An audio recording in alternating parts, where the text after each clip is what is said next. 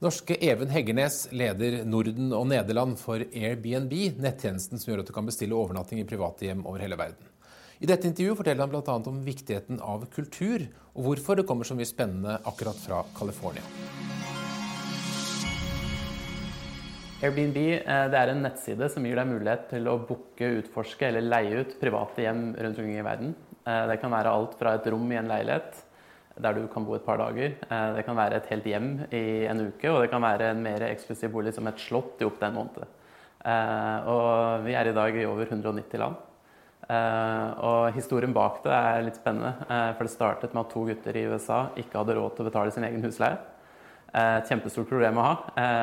De var kreative og lagde en nettside de kalte Air Bed and Breakfast, som var basert på å leie ut luftmadrasser.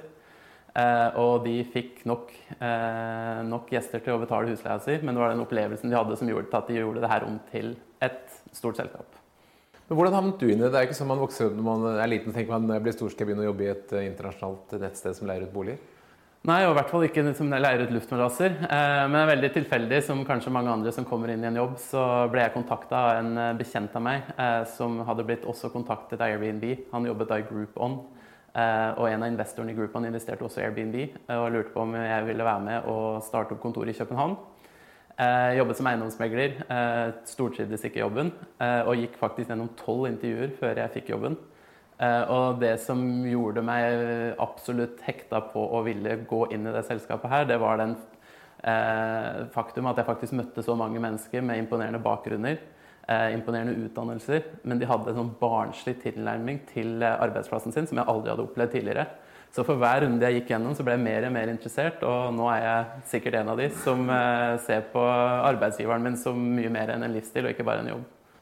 Hvordan er det å lede et uh, selskap som er så nytt og vokser så fort? Hvordan, hvilke utfordringer gir det som leder? Eh, først og fremst er det vanvittig spennende og givende. Eh, veldig spennende å bringe noe nytt inn til regionen. Jeg er veldig stolt av å ta det her til Norge. Men det er klart også utfordrende. Du må huske på at Fra å leie ut luftmadrasser til å ha Nå har vi over 850 000 boliger. Det er en utfordring i seg selv. Så man må hele tida se framover og ikke være redd for det som er rundt neste dør. For eh, vår grunnlegger han sier det at, eh, eller gründeren vår sier det at har du hatt en jobb i Airbnb over et halvt år, så har du fått en forfremmelse. For det måten vi jobber på, måten vi tenker på, det forandrer seg hele tiden fordi vi vokser så raskt. Og det kan være utfordrende å da være en lederposisjon. Eh, for som en leder så må du også fremstå som en trygghet for dine ansatte. Men når du selv ikke vet hva som venter deg rundt neste, neste, neste vegg, så er det klart at det kan være en utfordring. Airbnb er jo et slags eksempel på den nye økonomien og delingsøkonomien. er veldig trendy. Er det forskjell på å være leder i en sånn bedrift kontra å være en vanlig norsk bedrift som har holdt på med det samme lenge? Um, nå har jeg, Det er min første lederjobb i det selskapet, her, så jeg kan ikke snakke altfor mye for de tradisjonelle bedriftene. Men vi har jo i vår DNA å drive med innovasjon og tenke nytt. Og det er jo noe vi bruker masse av energien vår på å fortsette å gjøre. Nå er vi så heldige at vi har kommet i en situasjon der vi ser at mer enn 80% av veksten vår den skjer av seg selv, organisk, med at brukerne våre snakker sammen, eh, snakker til sine venner og familie og kjente, som gjør at vi vokser. I 2014 så ser vi at halvparten av våre bookinger skjer fra våre eksisterende brukere. Og det er jo et kjempeargument for oss at det vi driver med, det er det faktisk et marked for, og det gjøres bra. Og det gjør at vi kan bruke mest av våre ressurser på å fortsette å vokse og fortsette å være innovative og tenke hva er det som kommer rundt neste sving. Hva slags egenskaper ser du etter når du prøver å finne nye medarbeidere til en sånn virksomhet? Eh, jeg tror jeg ser etter å ha den gründerspiriten. Eh, og for meg å være en gründer, det er ikke bare det å få masse ut av få små ressurser, men det er det å alltid takle forandring. Eh, hos Airbnb vi går til venstre og til høyre, opp og ned, og det er kaotiske tider. Og da tror jeg at en gründerpersonlighet takler det på en bedre måte enn noen som ikke som må ha et system. Og jeg sier alltid til mine, når jeg ansetter at det her kommer til å være kaos og det kommer til å gå opp og ned. Eh, ting kommer til å forandre seg. Og nesten selger ned jobben for å finne de personene som faktisk er eh, interessert i det her og syns det er spennende og vil være med å pushe videre. Jeg tror det er viktig da, å finne ansatte som hele tiden kan utvikle seg, og som syns at eh, det som bare er i dag, det kommer til å være i dag, men ikke i morgen. Så hva er det som kommer i morgen, og forberede seg på det. Hvem er forbilder for deg som leder når du har gått inn i den første lederjobben din, så krevende jobb? Jeg er veldig imponert over eh, gründeren av, av Tesla. For det mange glemmer, er at han også var med å grunnla PayPal, eh, som faktisk var med å forandre hvordan vi håndterer betalinger på nett. Og for meg så er det en ordentlig gründertype som alltid tenker framover. Eh, og Tesla har jo blitt en verdenssuksess her i Norge, det er jo et av de største markedene deres. Men det han driver med nå, er jo mye større enn det med bare bil. Eh, og forsker på alt fra batterier til hvordan man skal sende folk fra USA til Kina på en time. Eh, om det er mulig eller ikke, det vet jeg ikke, men han tenker alltid framover. Og har sikkert så mye penger at han kunne slått seg ned og levd livet fra, fra i dag til han eh, ikke skal være på den planeten her lenger, men velger heller å bruke energien og kunnskapen sin på å utvikle videre. Og det er en eh, veldig inspirerende person, og en person jeg følger veldig nøye med på. Har du lagd en form for regler på hvordan du vil være som leder i forhold til dine medarbeidere? Nei, Jeg har ikke noen regler, men det er klart man plukker opp litt her og der. Eh, det jeg tror det er viktig, er å prøve å være tydelig og, og på forhånd fortelle dine ansatte hva det er du forventer. Eh, jeg tror det med å være leder går også veldig mye tilbake til hvordan man ansetter. Eh, så man ansetter mennesker som man tror kan passe inn i hele, hele kulturen. Og jeg tror jeg jobber på den måten at jeg gir veldig mye makt til mine ansatte. Jeg vil ikke være han lederen som sitter på baken deres og følger med hva de gjør hele tiden. Men jeg setter eh, hvilke forventninger jeg har, og så sier jeg til dem at dere kommer til meg hvis det er problemer, for jeg gjør meg alltid tilgjengelig til å være behjelpelig. Og forventer da at de kommer til meg hvis de har et problem, så kan jeg hjelpe med å løse det, eller gå til andre i vår organisasjon for å løse det. Men hvis, ikke, men hvis da ting går som det skal, så trenger ikke jeg å være involvert. Og jeg har lyst til å gi de da den gleden av å lykkes, og at ikke det er jeg som tar eh, all æren. For det er de som faktisk har gjort jobben.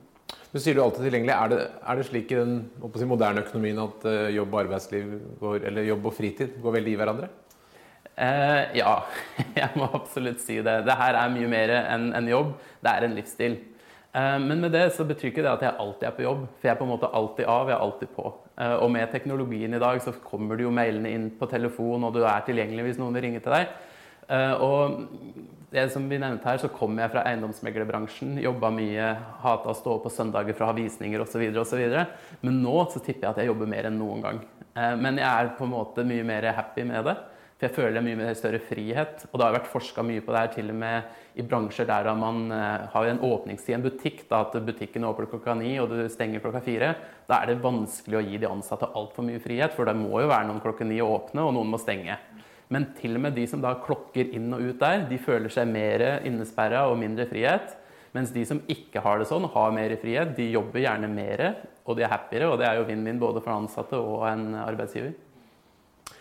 Hvis det er noen som tenker at, altså unge mennesker som tenker at man vil ha din jobb, da, eller vil inn i din bransje, hva kan man gjøre for å kvalifisere seg for å bli liksom regnet med som interessant? For det, du, Man konkurrerer også da i et globalt arbeidsmarked, for dere bryr dere ikke om at dere skal ha noen fra Norge nødvendigvis? Jeg tror man må tørre å ta risiko. Eh, når jeg hoppa på Airbnb for tre år siden, så var ikke Airbnb et verdenskjent selskap som eh, gikk så det siste. Vi hadde en veldig vanvittig vekst. Nå er ingen som visste at det skulle komme til i dag. Så jeg turte å ta den sjansen. Eh, på det tidspunktet så tipper jeg at vi sveia mange mange millioner dollar hvert år. Og var veldig mange som var redde eller skeptiske til at jeg gikk fra en jobb som var relativt godt betalt, inn i det ukjente. Men jeg tror det er det jeg får betalt for nå, at jeg turte å ta en sjanse. Eh, og jeg tror vi nordmenn litt, eh, vi har det litt for godt.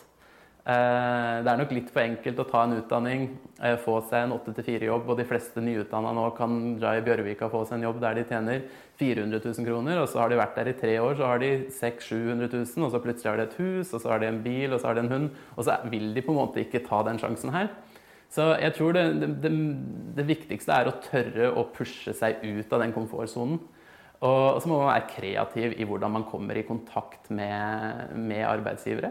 Eh, tørre å sende en e-post og stikke seg litt ut. Tørre å tenke litt utenfor boksen. Og jeg tror ikke det er bare det å trykke på en LinkedIn-knapp og si sånn hei, jeg vil ha jobb, som er måten på det.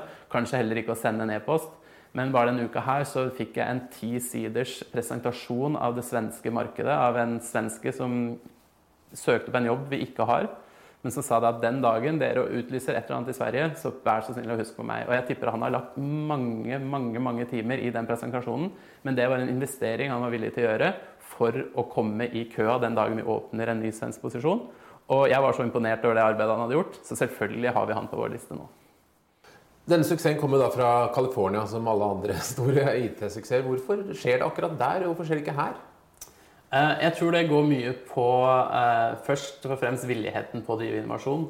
Men for å drive innovasjon så trenger man også økonomiske krefter bak. Eh, det å starte et selskap, det tror jeg alle vet at det koster mye penger. Man kan ikke forvente å tjene penger innen første uka, kanskje ikke det første året, gjerne flere år. Mens i Silicon Valley i San Francisco så har det nå bygget seg opp et stort nettverk av både gründere og investorer. De har funnet hverandre. Der det er investorer som er villige til å ta risiko.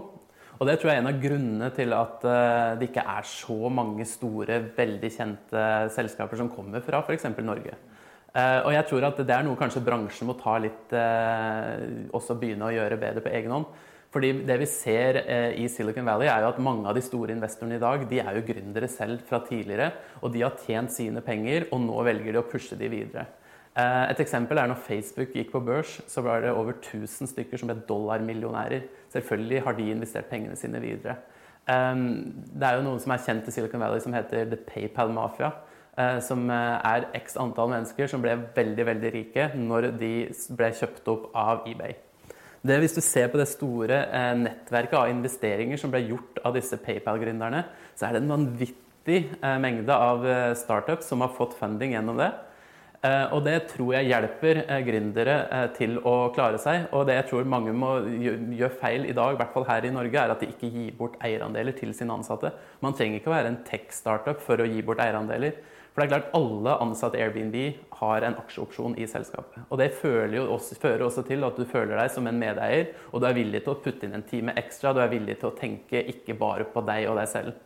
Um, kanskje bruke et eksempel med Skype. Når Skype ble kjøpt opp av Microsoft, så var det noen som kjøpte, eller tjente vanvittig masse penger. Men har de blitt spredd rundt i hele Sverige og hele Skandinavia? Uh, det er ikke noe jeg har sett. Så jeg tror vi kanskje må også, ja, investorer må kanskje tørre å ta mer risiko, men også at de som faktisk har selskaper som går bra, at de også tør å gi bort eierandeler. For det vil jo på sikt da generere mer og mer inn. Og vi må jo drive innovasjon, for det er innovasjon som driver oss framover. Og da trengs det også penger inn i det her, og ikke bare det fra det offentlige at det er de som spytter inn, men også at det er privatpersoner som tør å ta litt mer risiko i investeringene sine.